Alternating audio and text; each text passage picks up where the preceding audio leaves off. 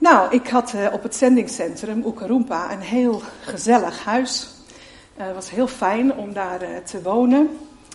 Maar ik had ook een hele mooie tuin. En een deel van die tuin was een moestuin. Er stonden ook nog enkele vruchtenbomen. Ik kon zo papaya van mijn boom afplukken.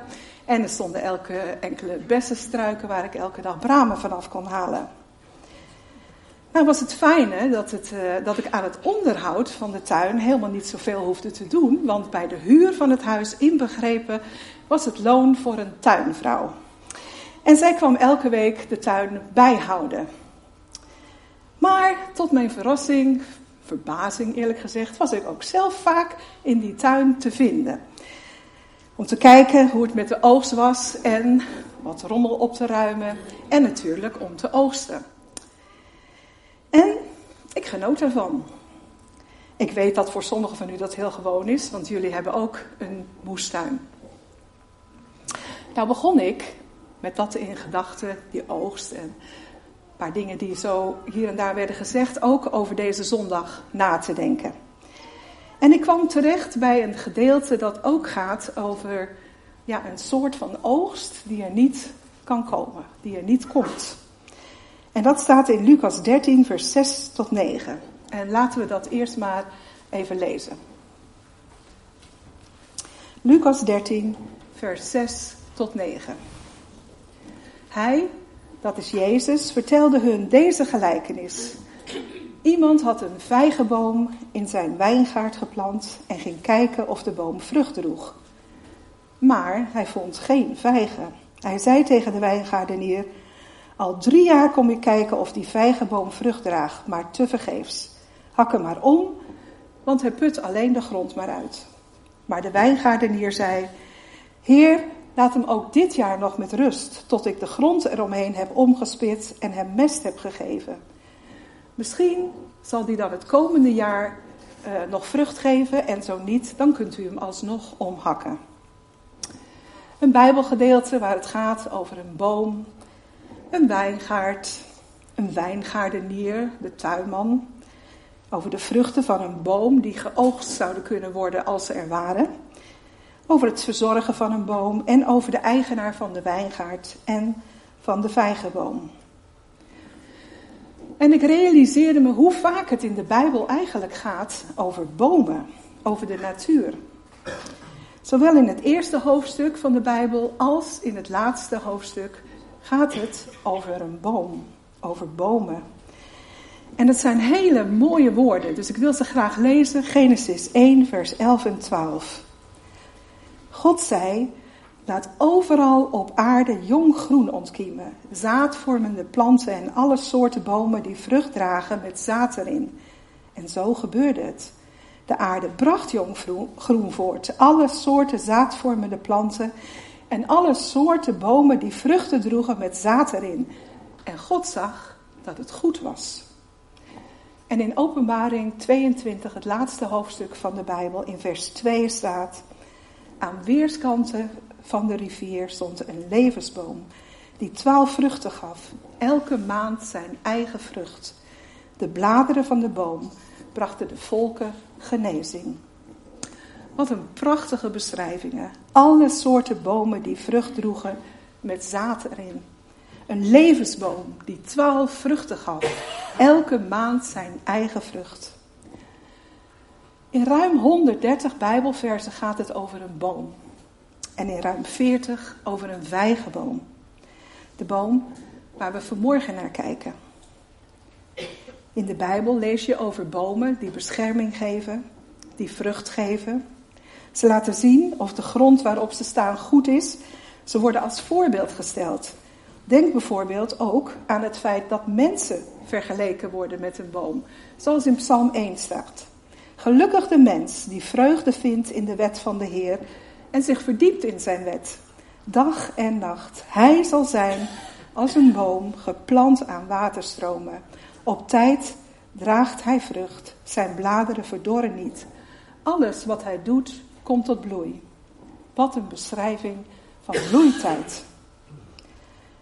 Bomen, maar ook planten, vruchten. de natuur zijn thema's die we heel veel vinden in de Bijbel. En elk met zijn eigen betekenis. En even tussendoor, redenen genoeg om ook heel voorzichtig te zijn met de natuur.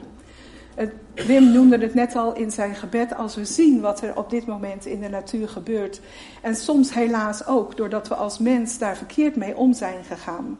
Redenen genoeg om met die natuur als onderdeel van Gods schepping goed om te gaan. En ook in Papua Nieuw-Guinea uh, verbaasde ik me over de natuur daar en hoe God dat mooi heeft gemaakt. En ik denk dat we echt een verantwoordelijkheid hebben om daar goed voor te zorgen, zoveel we dat kunnen. Maar soms gaat het mis. Omdat het in het begin al mis is gegaan. Niet alle vruchten kan of mag je eten en niet alles komt tot bloei. En nu, in deze gelijkenis, is er een boom die wel vruchten zou moeten geven, maar ze zijn er niet. Jezus gebruikt wel vaker gelijkenissen.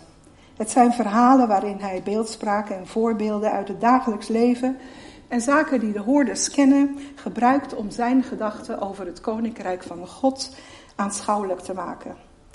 En naar aanleiding van die gelijkenissen geeft hij onderwijs aan de leerlingen. Ik zag nog een preek van eh, Bobby Schuler, die werd vorige week uitgezonden op uh, Hour of Power. En hij noemde een gelijkenis een kort verhaal, zoals een sprookje of een mythe. Het is een verzonnen verhaal om iets dat waar is duidelijk te maken. Ze geven als het ware handvaten om iets te pakken, iets te begrijpen.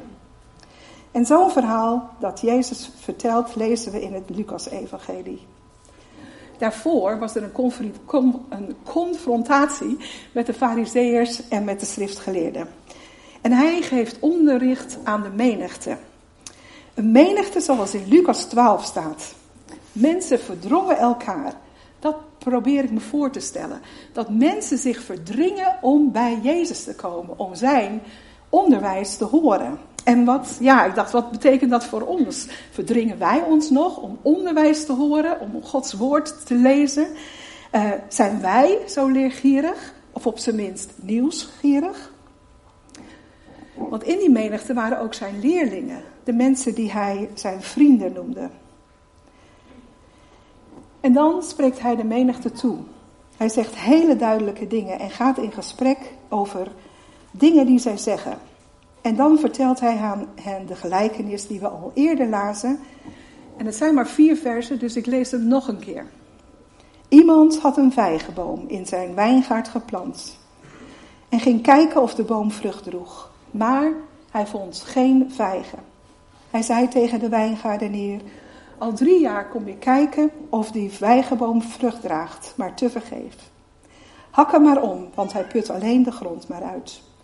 Maar de wijngaardenier zei: Heer, laat hem ook dit jaar nog met rust, tot ik de grond eromheen heb omgespit en een mest heb gegeven. Misschien zal hij dan het komende jaar vrucht dragen. En zo niet, dan kunt u hem alsnog omhakken. Jezus gebruikt de vijgenboom wel vaker als voorbeeld. Als beeld van Israël. Of om ons te leren om waakzaam en bereid te zijn voor zijn spoedige wederkomst. Er staat in Matthäus en Marcus, leert van de vijgenboom. Want zijn, tak, wanneer zijn tak week wordt en de bladeren uitspruiten, dan weet u dat de zomer nabij is. De vijgenboom was bekend in Israël.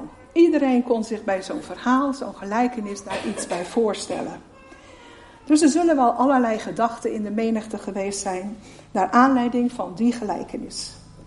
Ergens in hun hoofd was er meer informatie om de gelijkenis beter te begrijpen.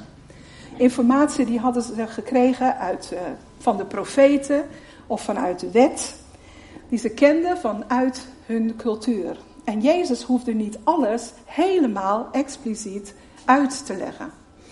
Nou, dat, uh, ik zit in een taalkundige uh, organisatie en ik heb daar wel eens van gehoord dat je impliciete informatie hebt. En ik dacht, nou, dat zit vaak ook in zo'n gelijkenis. En een voorbeeld daarvan is als ik tegen een van u of u tegen elkaar zegt: Vanmiddag gaan we zwemmen. Nou, dan weet u precies wat u moet doen. Dat hoef ik niet uit te leggen. Dan moet je zorgen dat je badkleding hebt. Ehm, dan moet je ergens naartoe, liefst waar water is. Ehm, en ehm, als het enigszins kan, kun je dan ook zwemmen of heb je dat geleerd? En uh, kun je in ieder geval zoveel water dat je je armen uit kan uh, spreiden. En ja, zo zijn er veel meer dingen die, die, je, die je direct weet als ik ga zeg tegen u, we gaan zwemmen. En zo denk ik ook dat de toehoorders van Jezus, toen hij het over deze gelijkenis had, over de vijgenboom, over een wijngaard, over dat er geen vruchten kwamen, dat ze dat wisten. En dat is voor ons wel een uitdaging. Want hoe, hoe, hoe weten wij dat? Kennen wij de wet? Kennen wij de profeten?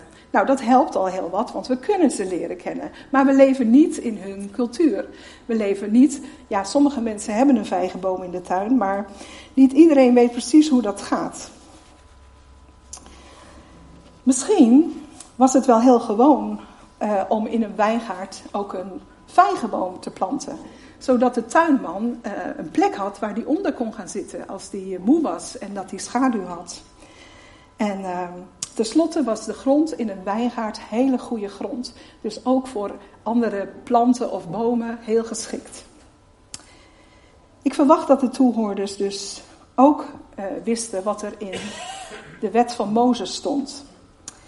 En dan lees je bijvoorbeeld in Leviticus 19, vers 23 tot 25, dat er staat dat je een pas geplante boom de eerste drie jaar met rust moet laten. Hij moet goed wortels schieten, stevig, stevig verankerd zijn op de grond en tegelijkertijd bovengronds zijn eigen vorm zoeken. In het vierde jaar mag je pas gaan kijken of er vruchten zijn. De natuur heeft zijn tijd nodig. Nou, en vanuitgaande dat de heer van de wijngaard de wet kende, betekende dit dat de boom in het verhaal er waarschijnlijk al zes jaar stond. Drie jaar waar je niks mag doen. En dan zegt hij, drie jaar is er geen vrucht. Dan ben je natuurlijk wel heel erg lang aan het wachten. En niet zomaar op een paar vruchten per jaar, maar als een vijgenboom op de juiste plaats staat en de juiste zon krijgt, dan kan hij wel drie keer per jaar vrucht geven. Dus deze eigenaar had al negen oogsten gemist. En toch kwam hij opnieuw weer zoeken naar vrucht. En opnieuw was er een teleurstelling. En eerlijk gezegd kan ik me wel voorstellen dat hij dan zegt: roeien met wortel en tak uit, zodat er straks niet meer, niets meer van de boom zichtbaar is. Hij is nutteloos. Hij put alleen de grond maar uit. Aan de andere kant, hij had de vijgenboom geplant. In zijn wijngaard, die bedoeld was voor de wijnstokken, had hij voor die boom een plekje gevonden. En al drie jaar lang was hij elke keer gaan kijken of er vrucht was. Hij had dus ook al heel veel geduld gehad met die boom. Jezus vertelt de gelijkenis na een gesprek met enkele mensen over Galileërs die omgekomen waren. En hij zegt hele rake dingen. Denken jullie dat die Galileërs grotere zondaars waren dan alle Galileërs omdat ze dat lot ondergaan hebben? Zeker niet, zeg ik jullie. Maar als jullie niet tot inkeer komen, zullen jullie op dezelfde wijze omkomen. En dat herhaalt hij Zeker niet, zeg ik jullie. Maar als jullie niet tot inkeer komen, zul je allemaal net zo sterven als zij. Dat zijn ernstige woorden. Net zoals de woorden, hij is nutteloos. Hij put alleen de grond maar uit. We weten niet hoe de relatie tussen de eigenaar van de wijngaard en de wijngaardenier was. Maar dan neemt de wijngaardenier het woord en zegt: Heer, laat hem ook dit jaar nog met rust tot ik de grond eromheen heb omgespit en hem mest heb gegeven. Misschien zal hij dan het komende jaar vrucht dragen. En zo niet, dan kunt u hem alsnog omhakken. Toch wel gedurfd om dat voor te stellen. Staat niet waarom de tuinman niet eerder op dat idee was gekomen. Om de, tuin, om de grond om te spitten om die boom. Hij moet toch ook gezien hebben dat er geen vruchten aan de boom kwamen was hij van de boom gaan houden. Was de plek onder de boom zijn plek geworden als hij wilde rusten van zijn werk in de wijngaard. We weten ook niet of de boom door de extra verzorging toch vrucht is gaan dragen. en er vruchten aan de bomen kwamen. En als we het dan over de vijgenboom hebben, dan wil ik ze toch even laten zien wat voor vruchten de bedoeling waren. Dit zijn vijgen, voor wie het nog niet wist. En dat zijn best wel hele grote vruchten. En uh, ja, toch wel de moeite waard om op te wachten. En het viel me op, opnieuw, toen ik hem uh, opensneed, hoe geweldig mooi ze aan de binnenkant zijn. En hoeveel belofte er zit in een, uh, in een vijg. Zoveel zaad voor weer verdere groei en voor verder nieuw leven. Nou, als je ze wil proeven of als je ze verder wil bekijken, dat kan uh, na de dienst. Komt nu nog maar niet naar voren springen. Ik denk dat de tuinman hoop had dat met wat extra verzorging de boom echt zulke vruchten zou gaan dragen. En nu denkt u misschien, nou, dat is allemaal mooie informatie, maar wat moet ik ermee? Ja, wat moet je met een oproep tot inkeer, tot bekering, tot verandering? Waarom vertelde Jezus na die oproep juist deze gelijkenis? Bedoelde hij dat als een boom, of laten we het concreter maken, als wij geen vrucht dragen, dat we nutteloos zijn? Gelukkig eindigt de gelijkenis daar niet. Er komt een bemiddelaar, de wijngaardenier, de tuinman. Hij pleit voor genade en zegt tegelijkertijd dat hij zich wil inzetten dat de boom vrucht gaat dragen. Ik denk dat we in die tuinman Jezus mogen zien. Degene die voor ons bemiddelt. Die als het ware tijd geeft. Degene die voor ons zorgt. En ons wil helpen om te bloeien en om vrucht te dragen. Geen vijgenboom met appels. Of een appelboom met pruimen. Of een papayaboom met avocados. Vruchten die passen hoe Hij ons, hoe Hij u, hoe Hij jou gemaakt heeft. En dan geeft Hij ons tijd. Tijd om te bloeien. In Petrus, 2 Petrus staat, en ik lees een vertaling vanuit de message. Hij houdt zich in vanwege jou. Houdt het einde tegen, omdat hij niet wil dat iemand verloren gaat. Hij geeft iedereen de ruimte en de tijd om te veranderen. Misschien denk je zelf, ik ben nutteloos. En dat zullen anderen van mij ook wel vinden. Zou het kunnen zijn dat je inderdaad een tijd geen vrucht kon dragen omdat God je tijd geeft om te wortelen, om vaste grond te vinden, om een boom te worden met bladeren waaronder de vruchten, als ze komen, veilig zijn. En vergeet niet, er is een middelaar in alle omstandigheden, in alle ruimte en tijd blijft Jezus actief. Hij zet zich voor ons in. We mogen leven met de Heilige Geest die ruimte geeft en die ons leven leidt. We mogen leven door gevoed te worden door zijn woord. Leven door samen kerk te zijn. De kerk waar we met elkaar het avondmaal vieren, waar we dopen, elkaar aansporen en de vruchten gebruiken als voedsel, maar ook voor weer nieuw leven. De vijgenboom kon het blijkbaar niet alleen. Wij kunnen het ook niet alleen. We hebben anderen nodig die ons soms meer tijd gunnen. Die ruimte voor ons willen maken, zodat we onze wortels weer uit kunnen slaan. En hoe raar, hoe raar het misschien ook klinkt, zorgen dat we bemest worden. Dat klinkt niet leuk. Het kan stinken. Maar soms is het ook niet leuk. Als iemand je even een por moet geven en zegt: Kom op joh, even doorgaan. Ik zal voor je zorgen. We gaan het samen doen. Te veel mest kan een boom kapot maken of lui. We kunnen soms zo bezig zijn met allerlei vast hele belangrijke zaken dat we vergeten om de vruchten uit te delen en te gebruiken. Ze zijn bedoeld om geplukt te worden, om gebruikt te worden. En het is belangrijk om genoeg voeding te krijgen, te willen ontvangen om daarmee aan de slag te gaan in je leven met God en met de mensen die Hij om je heen geeft. En dat leven is voor iedereen uniek. Iedere boom heeft zijn eigen bloeitijd.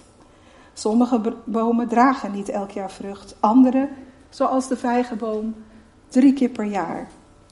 Sommige van ons hebben meer rust nodig dan anderen.